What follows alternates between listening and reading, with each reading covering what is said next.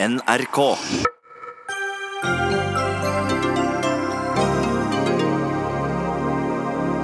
Tvil og tro langs den smale sti i Kristelig Folkeparti, krav om at partiledelsen kvitter seg med Geir Jørgen Bekkevold, som sto for den kontroversielle homovielsen. Trykket mot Donald Trump er kraftigere enn noensinne. Kan det ende med riksrett mot USAs president? Og flere hundre seksåringer starter på skolen i disse dager, men er det nå så lurt å ta fatt på skolegangen i så ung alder?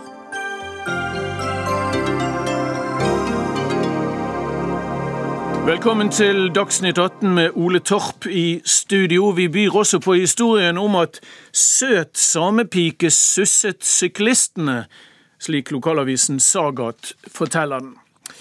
Men først i denne sendingen til den opprivende konflikten i Kristelig Folkeparti. For etter at partiets familiepolitiske talsperson Geir Jørgen Bekkevold viet partiets lesbiske kommunikasjonssjef Mona Høvseth og hennes kvinnelige partner, er det kommet svært sterke reaksjoner i den verdikonservative fløyen av partiet. I dag tar flere fylkesledere i KrFU i Dagbladet til orde for at partileder Knut Arild Hareide må fjerne Bekkevold fra vervet som familiepolitisk talsperson.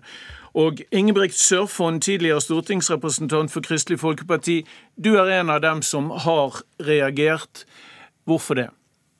Jo, eh, når jeg hørte om denne saken, så kjente jeg da ble jeg trist, og da ble jeg skuffa. For det var ikke dette med tvang nå.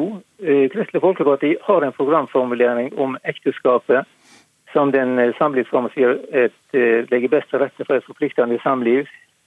Og når en så får en praksis som viser det motsatte, så skaper det forvirring. Og den forvirringen har jeg møtt hos veldig mange. Folk er frustrerte, folk er forvirra, folk er usikre. Og folk spør hva slags signal er dette, hva står KrF for, hvor går Kristelig Folkeparti? Men partiprogrammet som dere vedtok i fjor åpner jo også for at det er andre samlivsformer mellom voksne mennesker. Hvorfor kan dere ikke leve med de to uh, synene på samliv? Når det gjelder programformuleringen, så uh, løfter den fram ekteskapet mellom mann og kvinne som er det, eh, det beste. Men det er òg en respektfull omtale av at eh, folk er ulike, og noen og andre tar andre valg. Det som Kristelig Folkeparti er opptatt av da, det er å sikre at òg andre former for samliv gir juridisk trygghet. Og for, for de voksne og for barna. Ja, men det står, i, det står, i, partiprogrammet, ikke sant? Ja, ja da. Ja da. Ja. Mm. Ehm, og Da kommer vi til spørsmålet om Geir Jørgen Bekkevold. Bør han, eh, bør han få andre oppgaver i partiet? Nei, Jeg vil ikke legge meg bort i hvordan eh, framtida til Geir skal bli. Det er jo en av mine gode venner, dette her. Så, og til, for en eh, eks-stortingspolitiker til å komme inn og gi råd om hvordan en skal takle situasjonen nå, da har jeg ikke lyst til. Men det som jeg kan bekrefte, det er at dette som skjedde, det har skapt en stor forvirring og en eh, ja, jeg kan nesten si fortvilelse hos, hos, enkelte. For jeg møter masse folk som er glad i partiet, som har tro på ideene, som har tro på visjonene, som har gjort en innsats og som vil gjøre en innsats for Kristelig Folkeparti. Men nå er de forvirra. Hva skjer nå? Hvor er partiet? Hvor går partiet? Og I en sånn situasjon som er nå, så er det viktig at de signalene vi gir ut, er entydige og tydelige, sånn at folk får trygghet på hva vi står for. Mm, du er rett og slett redd for partiets fremtid? Ja, jeg kjenner litt på den uroen. Det er klart at jeg har levd så lenge med partiet og er glad i partiet og vil partiet vel og har masse gode venner og tro på at Kristelig Folkeparti har en stor oppgave i eh, å være med å utvikle samfunnet vårt i en god og trygg retning. Så eh, når jeg ser dette her, da, da blir jeg trist. Mm. Har du ikke et råd til eh, Knut Arild Hareide? Jeg vil jo si det slik at jeg har et eh, slikt forhold til Knut Arild at eh, skal jeg gi han råd, så gir jeg det direkte til han, og ikke, ikke via media. Det, det, er et prinsipp hos meg. Jeg skjønner. Ok. Simen Bondevik, leder av Akershus KrFU, og, og, faktisk barnebarn av eh, tidligere statsminister Kjell Magne Bondevik, må det være lov å nevne her. I likhet med, med Sørfond, som vi hørte, har du også reagert i kjølvannet av denne saken. Men kanskje ikke helt på samme måte? Nei, eh, jeg har reagert eh, mer på alle reaksjonene som har kommet. Eh, jeg har reagert på de 50 utmeldingene, og jeg har reagert på Jeg tror det er jo litt flere Ja, nå. Det er over nå. 100 det etter siste opptelling. Ja, og så har jeg reagert mye på Grøvan sitt utspill. Og jeg kan si kort om Som var at uh, Bekkevold burde trekke seg som familiepolitisk talsmann. Ja. Ja, så hvis jeg kan få si kort bakgrunn for det. Eh, jeg synes ikke at vi som politikere skal sitte og rangere én type kjærlighet som bedre enn en annen. Det å arbeide mot dagens ekteskapslov, det har ingenting med politisk realisme i dag å gjøre. KrF vi skal jo være et parti som jobber for nestekjærlighet og for menneskeverd.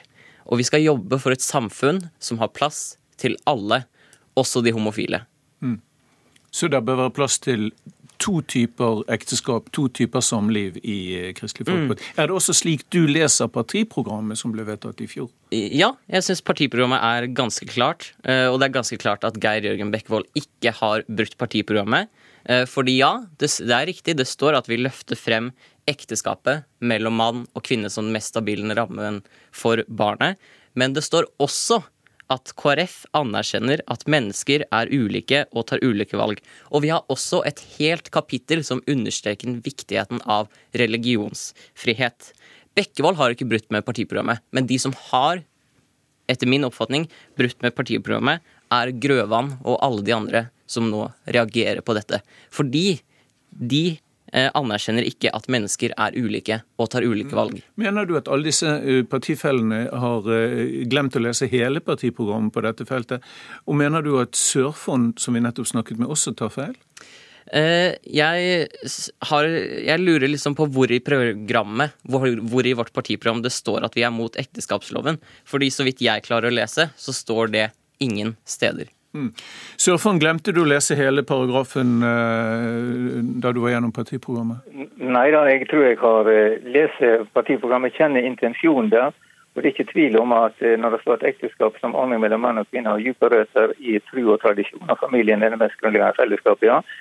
Og KrF vil løfte fram ekteskap mellom mann og kvinne som en god og stabil ramme rundt barns ekteskap og og oppvekst og, osv. Men likevel vil du ikke respektere begge synene i partiprogrammet, altså? Eh, jeg er ganske sikker på, jeg var ikke på sist landsmøte, men jeg er ganske sikker på at det, det som ligger til grunn for eh, programmet, og det er jo slik det blir oppfatta, det er at eh, et ekteskap mellom mann og kvinne, det er det eh, Kristelig Folkeparti eh, løfter fram som det beste, og det er det vi, står for. Vi stemte jo òg imot eh, den nye partnerskapsloven, eh, eller den nye ekteskapsloven. Eh, jeg var med og stemte imot den. Slik at vi har en tradisjon for å stå på et verdigrunnlag som er jeg kan gjerne kalle det konservativt, men trygt. Og det her mange føler seg hjemme i. Og jeg håper ikke at Simen liksom underkjenner eh, disse eh, som eh, mener noe annet sin rett til å mene det de mener. For det er viktig at vi kan være uenige men ha et ryddig forhold til hverandre. Man kan være uenige om saker, og da har vi, har vi lang tradisjon for Kristelig Folkeparti. Det er det, å det er det tak høyde for. Men vi kan høre med Simen Bondevik. Ja, eh, jeg er helt enig i det. Og det er fint at vi har en åpen og god debatt om dette, og det er på tide. Eh, Men det står jo klart og tydelig i programmet at KrF anerkjenner at mennesker er ulike og tar ulike valg. Eh, Og da skjønner ikke jeg hvordan Bekkevold har brutt med programmet. Kan du forklare meg det? Fordi det ser jeg, ser jeg faktisk ikke. Eh, når det, eh, det jo det jeg sier, at eh, programmet vårt har en respektfull omtale av de som velger andre samlivsformer. Eh, Det står at KrF anerkjenner at mennesker er ulike og at de tar ulike valg for sine liv. Men da har vel ikke Bekkevold brutt noe eh, partiprogram eller reglement, har han det? Eh, Det er slik det blir oppfattet av veldig mange at eh, eh, det han gjør her, da skaper en usikkerhet rundt denne programformuleringen vår om ekteskapet mellom mann og kvinne som den, eh, som den beste ramma for et forpliktende samliv. Ok. Eh, Og eh, den eh, tvil, den uroen, tror jeg en skal ta på alvor. For mange føler seg veldig usikre. Jeg har snakka med så mange som er fortvilt, virkelig fortvilt over dette her. Ja, du, du, du, var, du var innom det, eh. Ja, Eh, og da syns jo jeg at eh, Hareide eh, og sentralstyret etter neste sentralstyremøte nå i morgen skal gå tydelig ut og støtte Bekkevold. Fordi la meg understreke det at jeg har full tillit og full tiltro til Hareide som partileder, og jeg har full tiltro til hans politiske prosjekt. Men for at KrF fremover skal være et like relevant parti, og at dette prosjektet skal lykkes, ja, da kan vi ikke sitte her i 2018 og diskutere om homofile skal få lov til å gifte seg eller ikke. Det syns jeg burde vært en selvfølge. Okay. Og helt til slutt, Ingebrigt Sørfond. Det er altså eh, omkring 130 KrF-ere som har meldt seg ut av partiet den siste tiden i formodentlig den fortvilelsen du nevner. Har du selv vurdert å melde deg ut? Eh, ja, jeg må innrømme at eh, det er tanker som har slått meg. Og jeg er ikke der at jeg vil melde meg ut foreløpig, men det er klart at signaleffekten i denne saka eh, er veldig sterk i retning, eh, eller for hva retning partiet velger når det gjelder, eh, når det gjelder grunnlag og verdigrunnlag. Så For meg er det slik at kompromisset har sin grense. Så i det øyeblikket at jeg opplever at jeg vil bli alibi for ei utvikling som jeg ikke kan innestå for, da blir riktignok dette med utmeldelse tettere innpå for meg. Foreløpig okay. er jeg ikke der. Nei, ok, Da ser vi hvor frontene går. Takk skal dere ha, Simen Bondevik, leder i Akershus KrFU, og eh, på telefon fra Fitjar, Ingebrigt eh, Sørfond, tidligere stortingsrepresentant. Og da, da, skal vi få inn eh, to som skal sette dette i en litt større kontekst for oss, nemlig politisk redaktør i Vårt Land, Berit Strøyer Aalborg, og kommentator i VG, Fridtjof Jacobsen. Aalborg, er det slik at de synspunktene vi har hørt nå, tilhører ytterkanten i KrF, og at det er en stor, stille majoritet i midten som ikke har bestemt seg? Jeg tror at eh, eh, KrF er ganske delt. sånn at det er klart at De som har stått frem nå her, de sier dette veldig tydelig. Men det er ganske store grupper eh, på begge disse sidene i KrF nå. sånn at det er ikke enkelt for Hareide etter dette sentralstyremøtet eller senere å ta den ene posisjonen. Det vil gjøre at den andre, den andre på en måte så å si posisjon vil føle seg forbigått. Og det kan være ganske krevende å gjøre. Fordi vi har to veldig tydelige posisjoner i, i KrF. Så det du sier er at denne homostriden, hvis det går an å, eller vigselstriden, mm. om det går an å si det sånn, den går så dypt gjennom partiet at den skiller den helt tydelig i to blokker, og at det ikke er noe igjen i midten. Det er klart det er noen i midten som er usikre, men det skiller partiet helt tydelig i to blokker. og Begge blokkene er ganske store. Og denne, denne kan vi si, konflikten eller denne forskjellen har vart i ganske lang tid, minst i 20 år. Og så har nok den mer liberale delen vokst i løpet av de siste årene, og kanskje blitt større. Men, men det er helt tydelig at det er ganske store grupperinger internt. Mm. I et lite parti, da, får jeg si. Jeg blir alltid litt nysgjerrig på om det fremdeles finnes veldig klare geografiske forskjeller i Kristelig Folkeparti. Nå hørte vi med Sørfond, som bor i Hordaland, på, Fitjar. ikke sant? Tidligere i dag hørte vi fra lederen, eller han er intervjuet i Dagbladet, lederen for Kristelig Folkepartis Ungdom i Bergen, som har med seg Rogaland, og lederen på Agder, som mener at Bekkevold faktisk må få beskjed om å gjøre andre ting, mens man på Østlandet kanskje er mer liberal? Ja, altså jeg tror nok det er sånn at På Vestlandet har man en tendens til å være mer konservative, og kanskje deler av Nord-Norge, Østlandet litt mer kanskje liberal. Men, men, det som er ganske viktig her, er at de, altså, disse meningene går på kryss og tvers. Både når det gjelder geografi og når det gjelder eldre.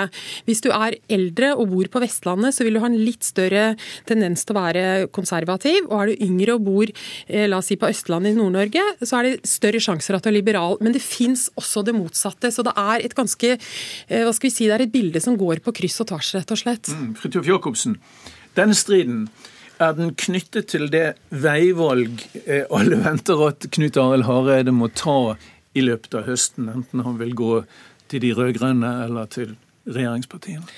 Det er jo vanskelig å forstå det på noen annen måte enn at uh, dette som egentlig er en strid om, om, om en i partiet kan vie to av samme kjønn litt absurd strid å ha et politisk parti. Det er vel bare KrF det kan være strid om det eh, i vår tid. Eh, men under der så ligger jo da eh, det varslede veivalget, eller i hvert fall at det skal sies noe om veivalg. Om det blir et veivalg, vet vi jo ingenting om. Det er jo varslet veivalg før for KrF uten at det var noe veivalg. Og i det så er jo partiet også relativt delt, og kanskje noen langs de samme aksene som her. I VG hadde vi nettopp en måling hvor vi spurte velgere i forskjellige partier hvem de helst ville ha som statsminister, og da var det jo veldig klart at i KrF så er det jo 66 og noen steder 70% av velgerne som sier at Erna Solberg bør være statsminister, mens bare nede på lavt 20 eller til og med under det som vil ha Jonas Gahr Støre. Eh, men, men, det er jo da åpnes jo for hvert fall en diskusjon om, om, KrF kan tenke seg å kaste regjeringen til høsten og, og innsette Støre som statsminister. Og den, den, diskusjonen har gått i KrF, så vidt jeg har forstått, siden i hvert fall siden valget 2013, hvor den var veldig opphetet. Hvor eh, Hareide og ledelsen var på en måte på vei inn i regjeringen. Det ble stanset av, i partiet, hadde ikke nok mandat.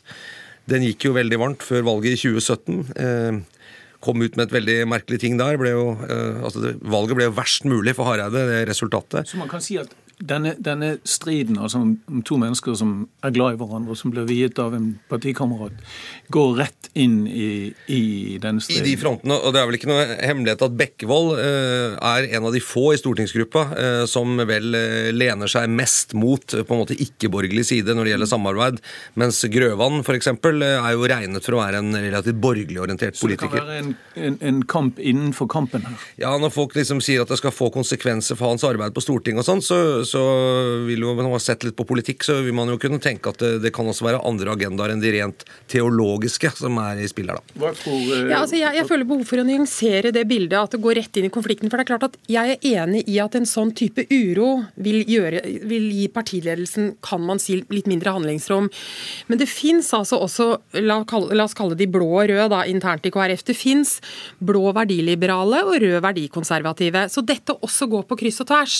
Så det er ikke et sånt enkelt bilde at alle de som er konservative i denne ekteskapssaken, ville stemt blå og motsatt. Det er veldig mye kryssende, akkurat som jeg var inne på i stad med mm. geografi, det er mye kryssende linjer her. Det er verdt å legge til at uh, akkurat denne motstanden mot en ekteskapslov og to uh, mennesker av samme kjønn skal få gifte seg, det, altså der kommer jo ikke KrF noen vei, uansett om de er på blå eller rød side. fordi at, uh, så, så, sånn sett politisk så, så kan du ikke spille inn i det. men men det å liksom mistenkeliggjøre en fløy som kanskje vil, som vil hvert fall prøve å hindre at partiet går inn i regjering med Erna Solberg og Frp, eh, som på en måte ikke patente i viktige moralske og, på en måte verdikonservative spørsmål for KrF, det, det kan jo være i spillet. La meg spørre dere veldig fort mot slutten her. Eh, det er jo slike situasjoner som setter lederskap på prøve.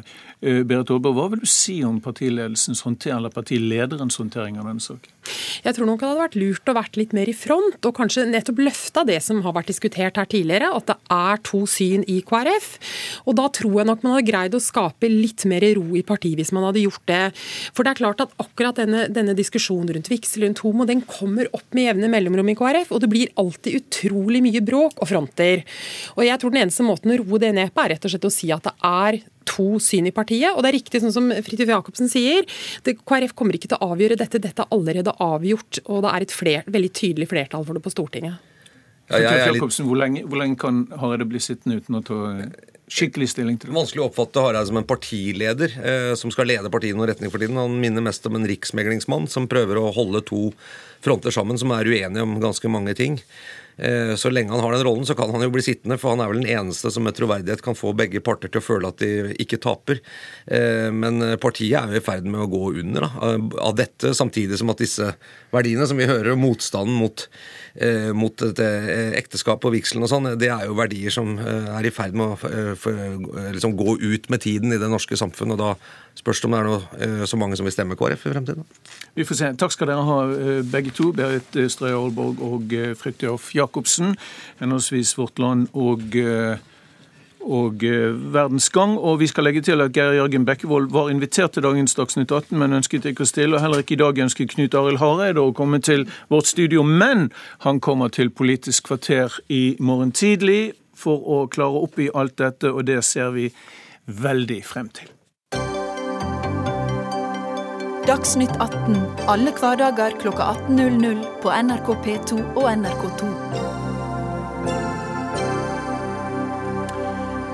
Et nytt skoleår er i gang, og mange seksåringer har denne uken hatt sin aller første skoledag. Samtidig er skolestart for seksåringer igjen oppe til debatt. Stortinget har nå nemlig bedt regjeringen om å evaluere skolestart for seksåringer, som ble en realitet da Reform 97 trådte i kraft det året i 97. Kristin Clemet, leder i eh, tankesmien Civita, velkommen. Takk.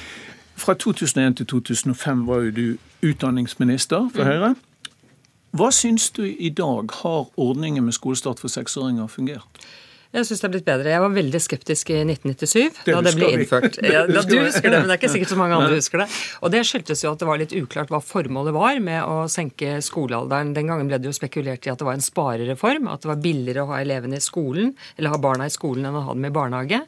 Og det var ikke meningen at de skulle lære noe det første året. Man skulle gradvis begynne med lese- og skriveopplæring på annet trinn.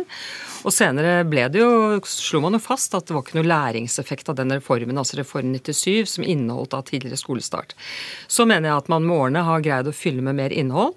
Vi har blitt enige at vi skal begynne med lese- og skriveopplæring fra første trinn. Eh, Vi ser også at det har god læringseffekt, og jeg tror vi har fått mye mer kunnskap med årene om begynneropplæring og om pedagogiske metoder som eh, egner seg å bruke for små barn. Altså at man kan bruke mer lek og bevegelse. Og det Stortinget har bedt om en eh, evaluering nå, er jo ikke egentlig seks års skolestart, men det de har bedt om en, en, en kartlegging av, eller informasjon av, er hvilke pedagogiske praksiser man bruker i skolen. For det er helt klart at det varierer. Noen er veldig flinke til å bruke det man kaller lekbasert læring. Andre er kanskje ikke like flinke, så her er det sikkert noe man kan lære mellom skolene. Du Så jeg er mer, mer positiv i dag. Og man må huske på det at det å reversere seks års skolestart, det ville hatt helt enorme konsekvenser. fordi da betyr det at man skal hele kullet inn i barnehage isteden. Så det ville få veldig enorme store konsekvenser. Så i valget mellom det og prøve å gjøre eh, småskoletrinnet bedre, så velger jeg det siste. Og da er den kartleggingen helt ok. Mm, Men vurderte du det da du var minister, Var Nei, ordningen? Ikke, ikke å endre tidspunkt for skolestart, men det som ble vurdert, det var om vi skulle eh, ha en diskusjon om reversering av tiårig grunnskole. For det kom også i 1997. Vi gikk fra ni til ti år. Og jeg har alltid vært eh, egentlig en motstander av det. Jeg har ikke sett noe hensikt med det.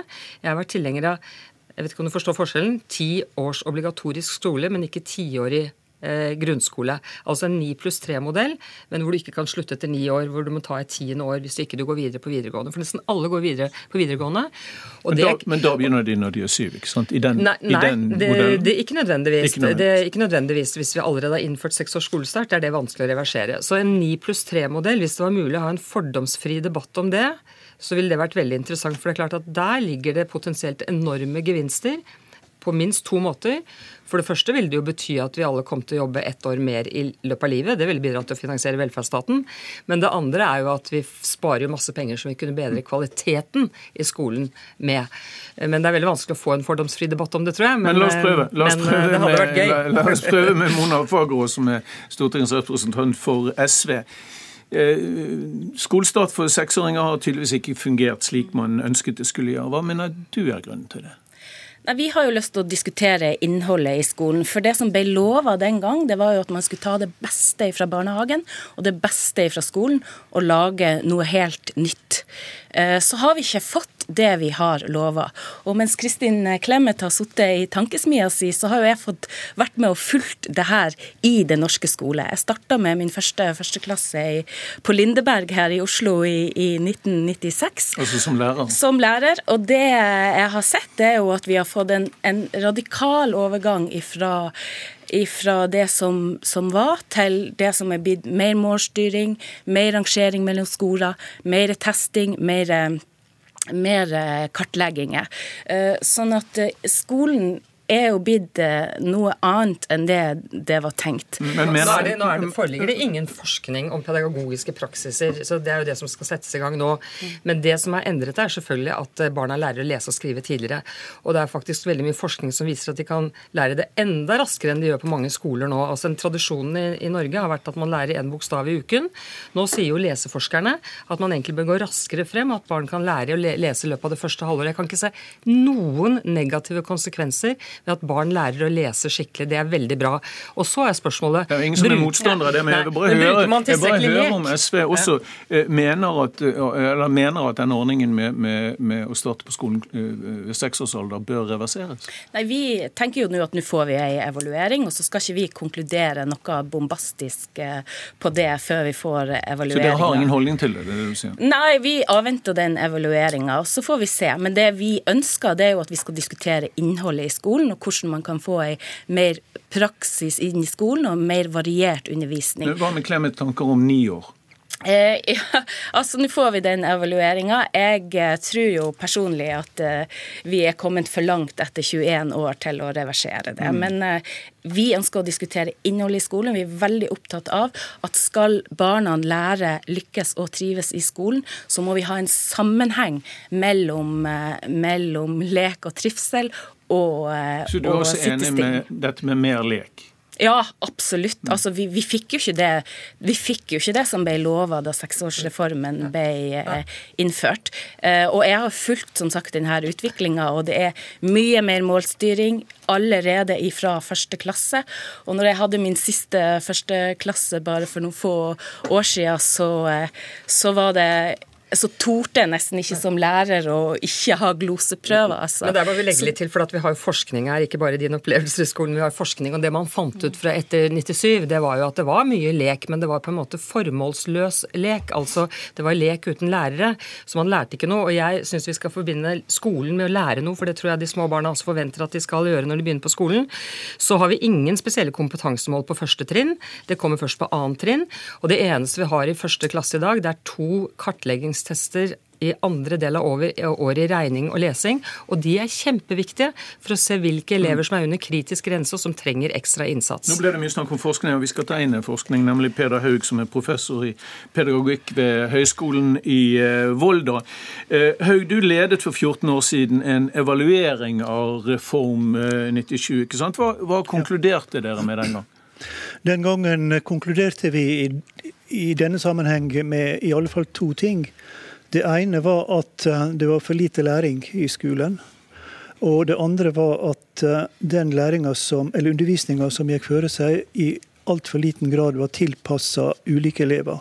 Så en underviste for mye som om alle elever var like.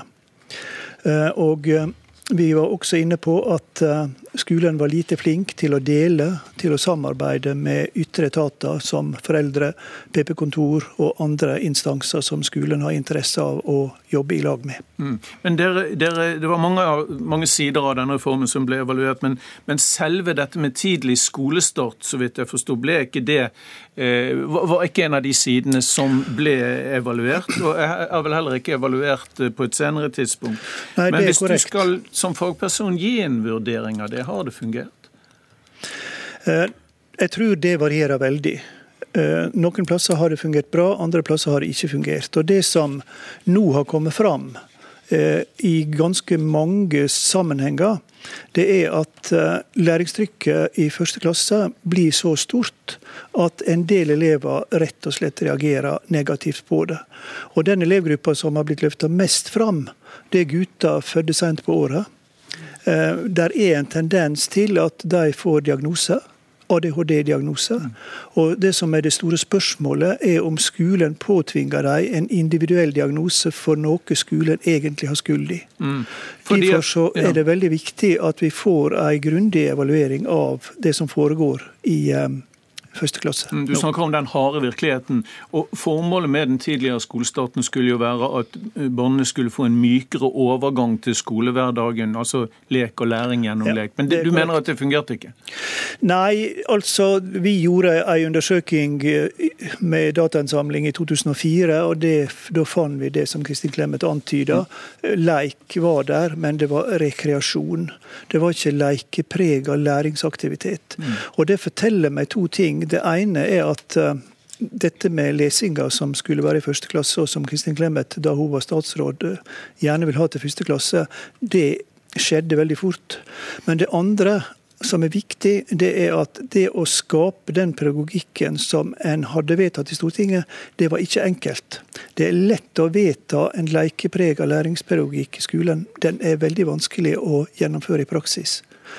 Det er viktig når en nå skal vedta nye pedagogikker at en ikke bare lager det om til skrivebordsprodukt, men en faktisk er i stand til å praktisere det. Nettopp. Clement, det, det ble for tøft, ja, særlig for gutter. Nå sies det mye viktig her. For det første, jeg er helt enig i at det er vanskelig å få til en god lekebasert eh, pedagogisk praksis, men jeg tror vi er mye flinkere i dag, eller lærerne, da, enn vi var for noen få år siden, og at det er veldig mye som skjer i lærerutdanningen nå.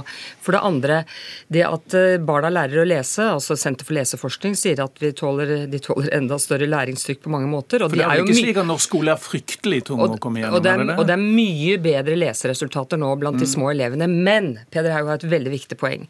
Når man først senker skolealderen til seks år, så er det ikke jeg er i hvert fall av den oppfatning at da er det ikke like lett å si at du kan begynne der som fem og et halvt åring som det var å si at du kunne begynne som seks og et halvt åring når det var syvårsskolestart. Sånn at eh, Vi har et offentlig utvalg i arbeid nå som ledes av Camilla Stoltenberg, som ser bl.a. på forskjell mellom jenter og gutter i skolen. Og jeg tror et tema bør eh, komme opp. Bør vi ha litt mer fleksibel skolestart? Eh, altså, det er, en del sånne ting vi bør diskutere, for det er ikke sikkert det passer for alle eh, å starte f.eks. når man er fem og et halvt La oss høre med SV også om det, Mona Fagerås. En rullerende skolestart, er det en tanke? Ja, Vi har jo ikke hatt tradisjon for det i Norge. Nei, nei, de det de er aller, aller fleste starter jo på skolen når, når det liksom er tradisjon for å, for å Men andre det. land klarer jo det. Ja, og det er absolutt noe som vi må tenke på. eh, uten at det skal bli sånn som, sånn som det var før, at man blir veldig stigmatisert om man eh, For det vi vel må snakke om nå, er uh, for fremtiden å finne ut hvordan, hvordan vi skal klare å få til en ordning eh, som fungerer både for, for skolen og, og for elevene. Mm. Og Derfor så tenker jo vi at vår heldagsskole gir en del svar på akkurat det her.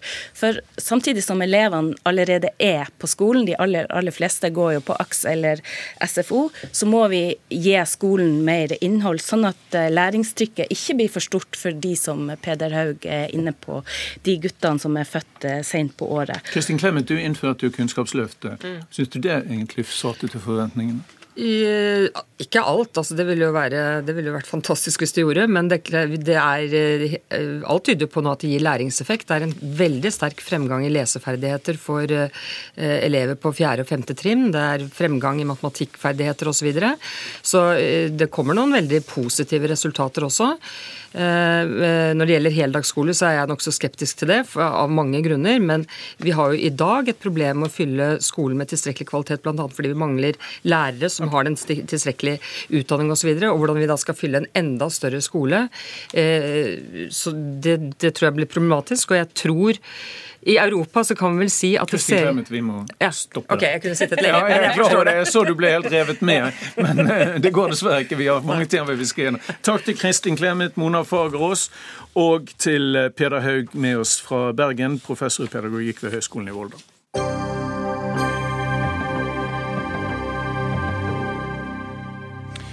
Aftenposten opptrer nærmest som PR-byrå for kommersielle aktører innen velferdssektoren.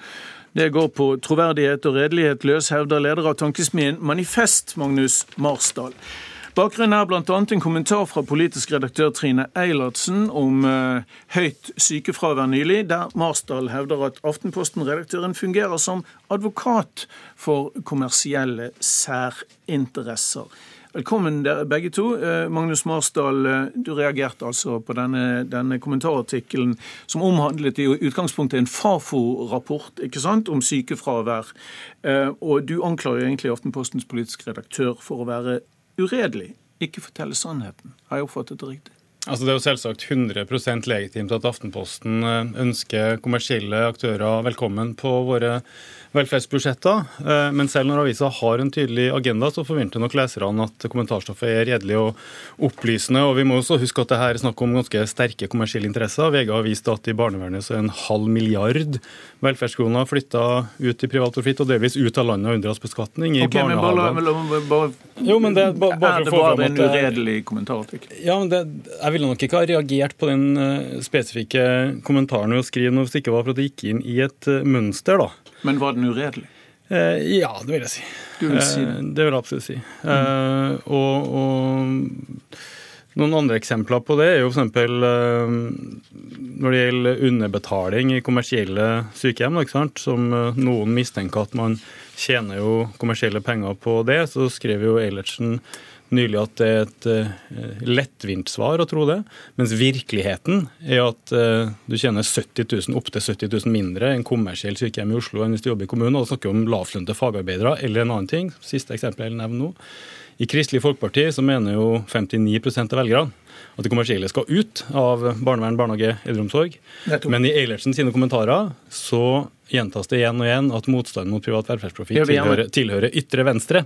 Og det er ikke å opplyse saken, det er mer å villede leserne. Ok, og Da vil jeg fryktelig gjerne høre fra Trine Eilertsen, hvordan, politisk redaktør i Aftenposten, hvordan det er å bli anklaget for å skrive lite troverdig og endog uredelig. Ja, nei, det, det, får han jo leve med. Det Magnus Marsdal leser mine kommentarer med helt spesielle briller på. Han leser med aktivistens briller på. Der er det ikke rom for nyanser eller for å stille spørsmål fra en annen vinkel. Eh, han, hans utgangspunkt er at han vet hva som er svaret og hva som er virkeligheten og sannheten i alle disse sakene. Eh, mitt utgangspunkt er journalistikk. Det er Aftenpostens utgangspunkt. Eh, da har ikke vi eh, en så tydelig agenda som Manifest har, som er en, en tydelig politisk tankesmie. Eh, vi prøver å opplyse saken gjennom nyhetsjournalistikk, gjennom kommentarjournalistikk og gjennom å gå inn i saken fra forskjellige ståsteder. Hvis, hvis vi holder oss til dine kommentarartikler, kan det kanskje av og til være en fare eller en sjanse for at du bevisst eller ubevisst siler bort informasjon som ville bidra til å opplyse saken i sin fulle bredde? Altså hvis vi tar eksempelet som Marsdal hang seg opp i nå om sykefravær, der egentlig poenget i Fafo-rapporten og mitt poeng i saken eh, Det er en undersøkelse av eh, private og, og eh, kommunale sykehjem og renholdsbedrifter, eller barnehage- og renholdsbedrifter.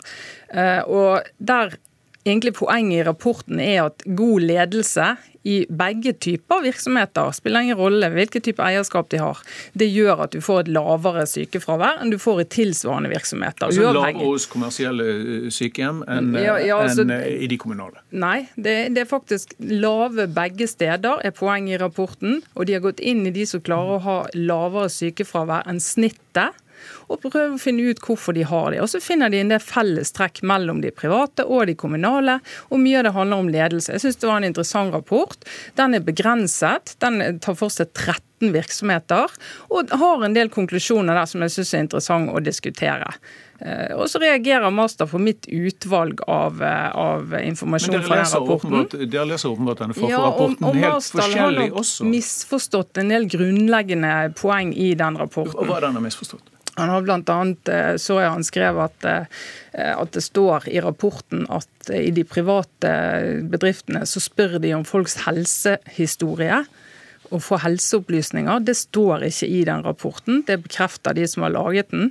Det de spør om er om fraværsmønster, og det er ikke bare i det private, det er også hos de kommunale. og Det er egentlig et eksempel på hvordan ledere aktivt går inn i sykefravær, mens han siler ut et bilde som passer med en virkelighet han har bestemt seg for er der allerede, og det er at eh, kommersielle er grusomme med sine ansatte. Har du overfortolket noe her, eller har du lest med, med briller som ikke er helt uh, um, uhildet? Nei, Fakta er fakta, og fakta er følgende. Det tas enorme uh, summer ut av felles velferdsbudsjetter til privat profitt. Og Det skriver Trine Eilertsen kommentar etter kommentar om, som handler om at her er det ingenting å bekymre seg for. Og I det tilfellet her så sa årsaken til de høye overskuddene er ikke minst at de har lavere fravær.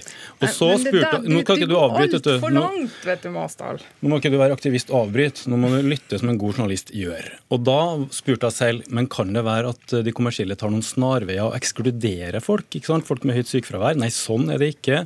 Beroliga hun Aftenpostens lesere og viste en Fafo-rapport der det står, og nå kommer vi til fakta, da. For det første, i et av de her eksemplene, at hvis en vikar har en del sykefravær, så slutter vi å ringe vedkommende. Det ekskluderende arbeidsliv i det kommersielle sykehjemmet. Og for det andre, vi sier til våre jobbsøkere at vi kommer til å ringe tidligere arbeidsgivere og spørre om fraværshistorikk.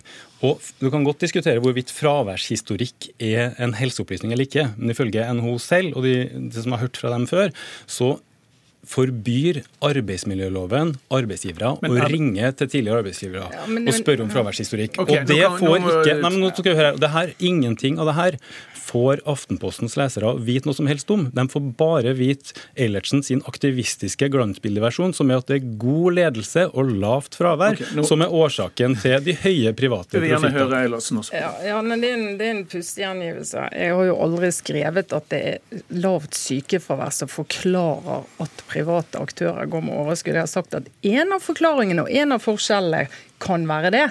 Eh, fordi at sykefravær koster veldig mye penger. så Hvis du klarer å la sykefravær, så er det åpenbart at det lønner seg. Men det du må gjøre, Magnus Marsdal, nå må du lese innlegget til de to som har eh, laget denne rapporten. Det er akkurat publisert i Aftenposten, der de går inn i akkurat det poenget du drar opp nå. Hvordan det er fremstilt i rapporten. De viser også det at her er det ikke forskjell på private og kommunale. De jobber på samme måte med sykefravær. Og det er ikke sånn at de kommersielle og private er ekstra aktive med å oppsøke sykefraværshistorikk i de tilfellene de har gått inn i. De viser at det har også, har også skjedd i de kommunale. Altså, poenget er at du må ikke gå inn i dette med en sånn skjære alle over én kam og alt som er kommersielt. Det, er det har jeg heller ikke, heller ikke sagt. utnyttelse av mennesker. Det her er en aktivistisk fortegning av et helt legitimt standpunkt som går langt inn i Kristelig Folkeparti. Ja, men det er, jeg, tror det, jeg lurer på om jeg må Jeg tror ikke vi kommer noe eh, lenger. Jeg lurer på om dere må fortsette utenfor. Takk skal dere ha begge to for at dere kom, Magnus Marsdal og Trine Eilertsen til Dagsnytt 18.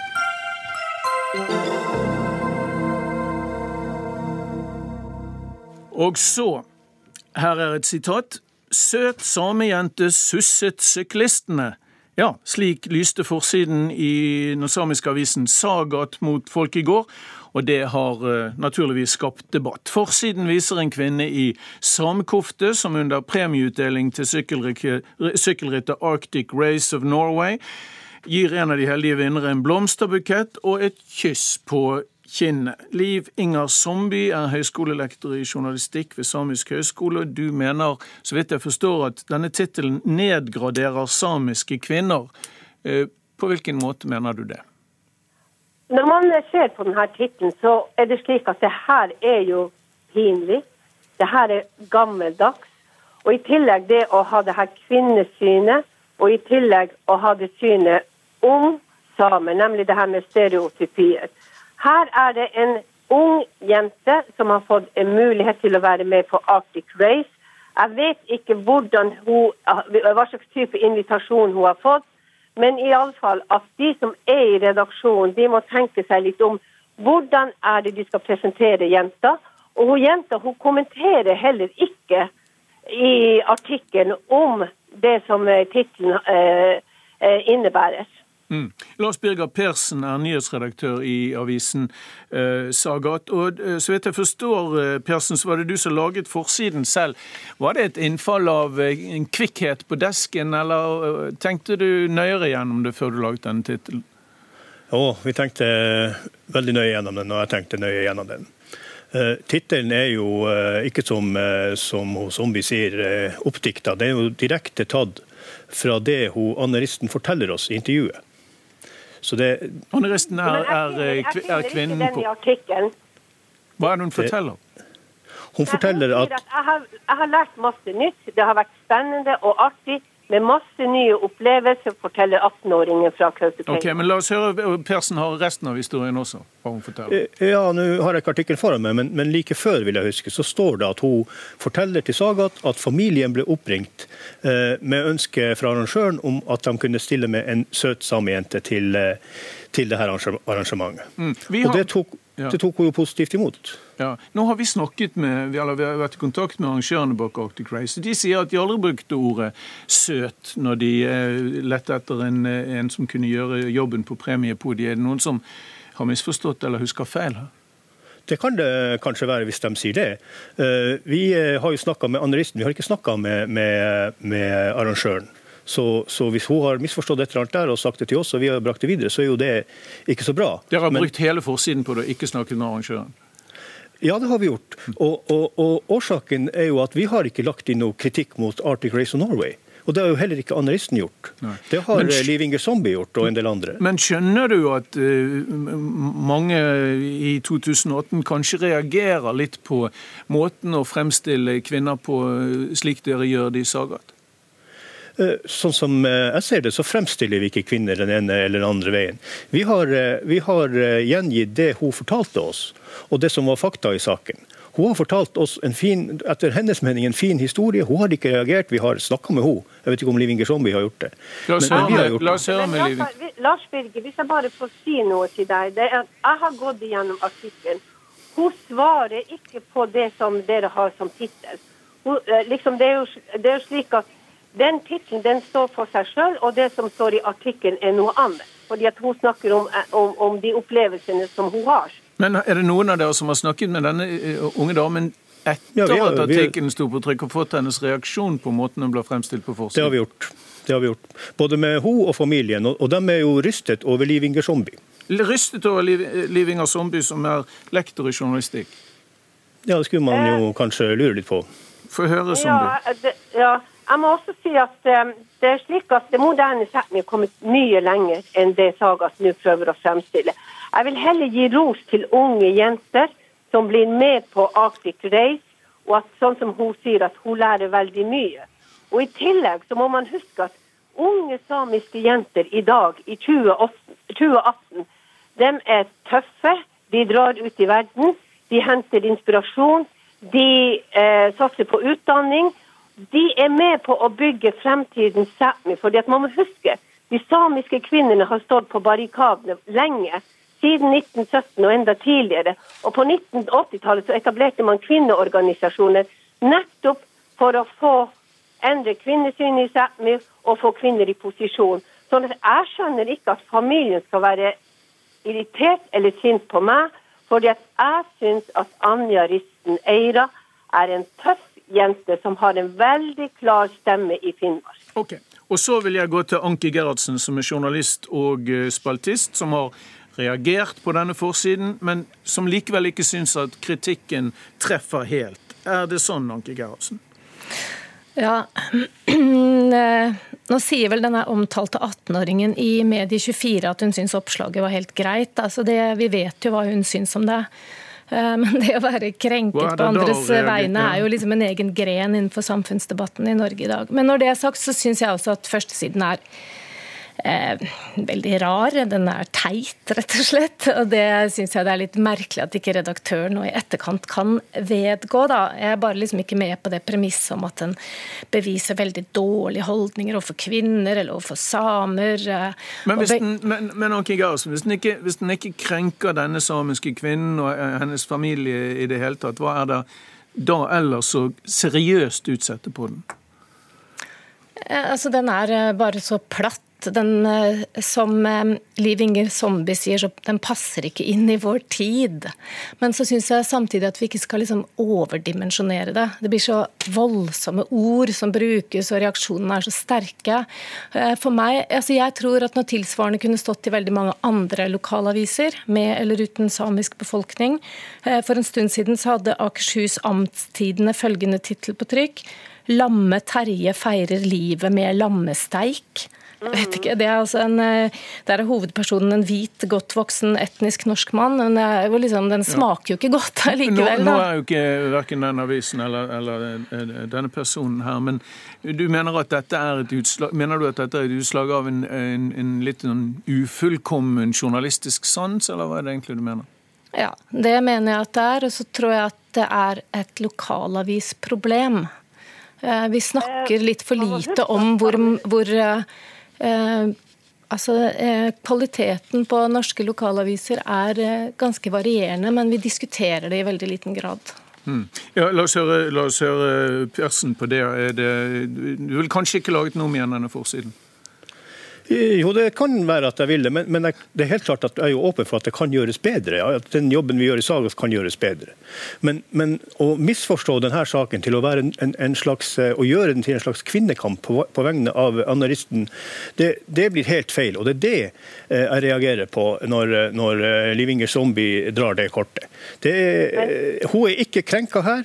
Det er Liv Inger Zombie og hennes generasjon samiske kvinner som føler seg krenka. Ungdommen men, men, likte det her. Ja, jeg skjønner det. Men Persen, eh, eh, ser du for deg at du kanskje kan ha bidratt til å, å latterliggjøre samiske kvinner med dette oppslaget? Det er forskjell på en førsteside i Aftenposten med den teksten, og en, en førsteside i en samisk avis med den teksten. Men nedslagsfelt ditt I, i vår nedslagsfelt så forstås den, unntatt den av dem som kanskje ønsker å ikke forstå den. Den forstås på en annen måte i lokalmiljøet enn enn folk ellers i landet oppfatter Absolutt, f.eks. av analysten og hennes familie. Ok, Hva Er, er Liv Inger Zombie enig i at det kanskje er tilfellet?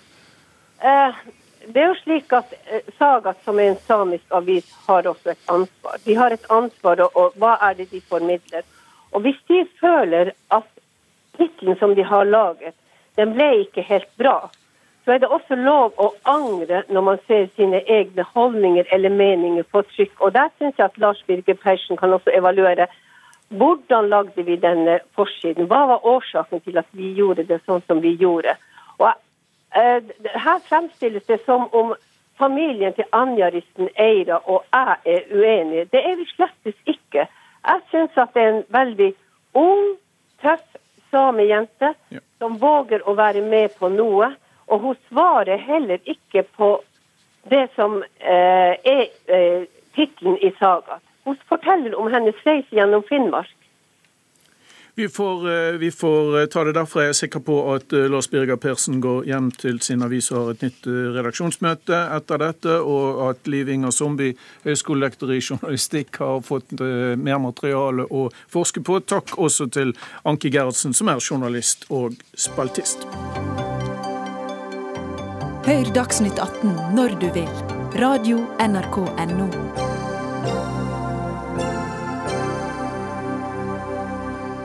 Så til USA, hvor eh, kjennere av amerikansk politikk kaller det som skjedde i går, den verste dagen i president Donald Trumps liv. For hans tidligere advokat Michael Cohen har erklært seg skyldig i pengeutbetalinger, såkalte hysjpenger, på vegne av USAs president. Cohen har erklært seg skyldig på flere tiltalepunkter om økonomisk svindel, inkludert utbetaling av disse hysjpengene til to forskjellige kvinner. Eh, som sies å ha hatt et eh, forhold til eh, Donald Trump. Nå kan det komme flere rettssaker mot presidentens nærmeste medarbeider Anders Magnus, NRKs korrespondent i Washington. President Donald Trump tar altså holdt på å si, som vanlig til motmæle på Twitter, snakker stygt om Michael Cohen og pent om tidligere valgkampleder Paul Manafort. Hva kan han vente å oppnå med det nå?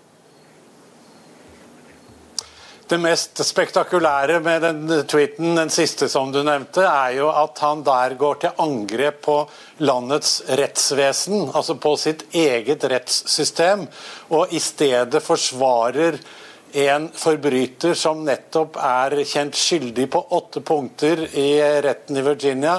En eh, kjennelse som kan gi han inntil 80 år i fengsel, så dette er alvorlige forbrytelser. Så eh, jeg tviler på om, eh, han, eh, om, Trump kommer til å oppnå noe særlig med denne tweeten, annet enn å skape mer forakt for den måten han utøver presidentembetet på. Men er det kommet uh, reaksjoner langs den linjen du antyder allerede? Det har kommet mange reaksjoner eh, om eh, at eh, denne presidenten burde blitt Eh, tiltalt på, eh, altså på, samme måte som Michael Cohen, og at han er en ikke tiltalt medskyldig i denne saken, akkurat som Richard Nixon var eh, i sin tid. Men Justisdepartementet i USA sier at det er ikke mulig å tiltale en sittende president i en kriminalsak. Så den eneste muligheten man har for å angripe presidenten, vil være gjennom en riksrettssak. Og da må det være flertall for det i Kongressen. Ja, for Det som er spesielt alvorlig i Cohen-saken, er selvfølgelig at han uttrykkelig sier at han fikk ordre av person 1, the individual, å mm, gjøre disse utbetalingene til de to kvinnene. Ja da, øh, men øh, samtidig så har jo også Cohens advokat sagt at Eh, Michael Cohen er villig til og vil gjerne snakke med spesialetterforsker Robert Mueller.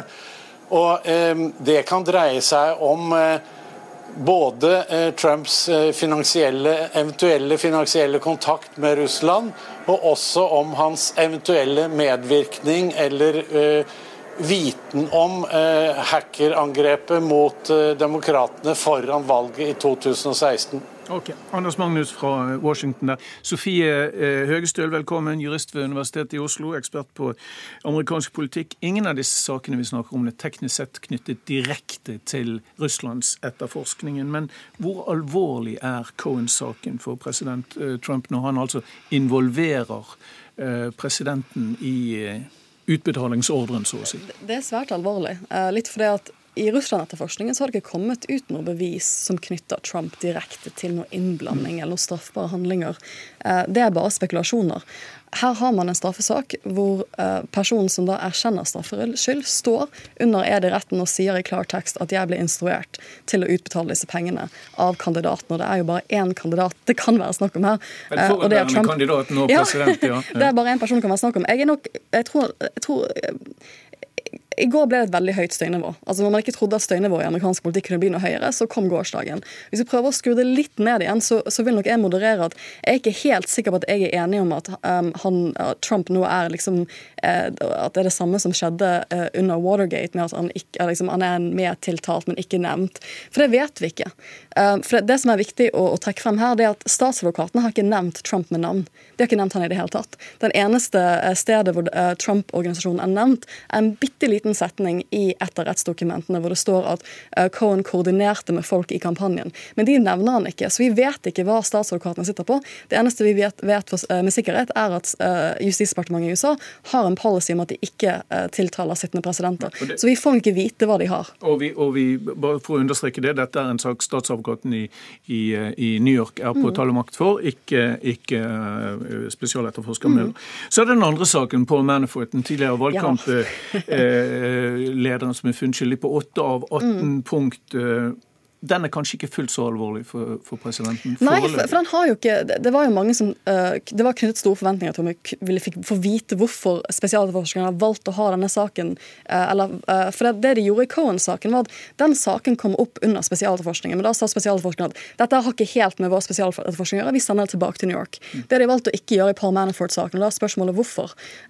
og Man håpet at man skulle få noe innblikk i løpet av rettssaken på hvorfor denne saken er viktig for den større Russland-etterforskningen. Det fikk man ikke.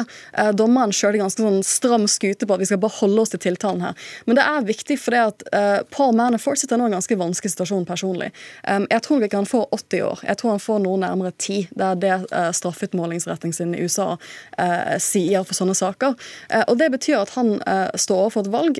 skal han samarbeide med statsadvokaten nå, eller skal han gå med på å stilles for retten en gang til? For han skal jo stilles i en ny rettssak av spesialforskeren om tre uker i Washington DC. Og spørsmålet er, vil han nå gå, inngå en, en, form for avtale med spesialadvokaten. Og en slik form for avtale kan teoretisk sett være at han vil fortelle noe mer om det ja, indre livet i Trump. Du får bare en sånn avtale hvis du har noe å si. Du så, får ikke sånne avtaler hvis du ikke har noe, noe informasjon nettopp, du kan utlevere. Så, så, Robert Mueller kan bruke ham som en brekkstang ja. til å komme inn i det større bildet omkring Russland-etterforskning, selv om dette strengt tatt ikke var en Russland-etterforskning. Ja, men vi vet, det, det, er en av de tingene vi ikke vet ennå.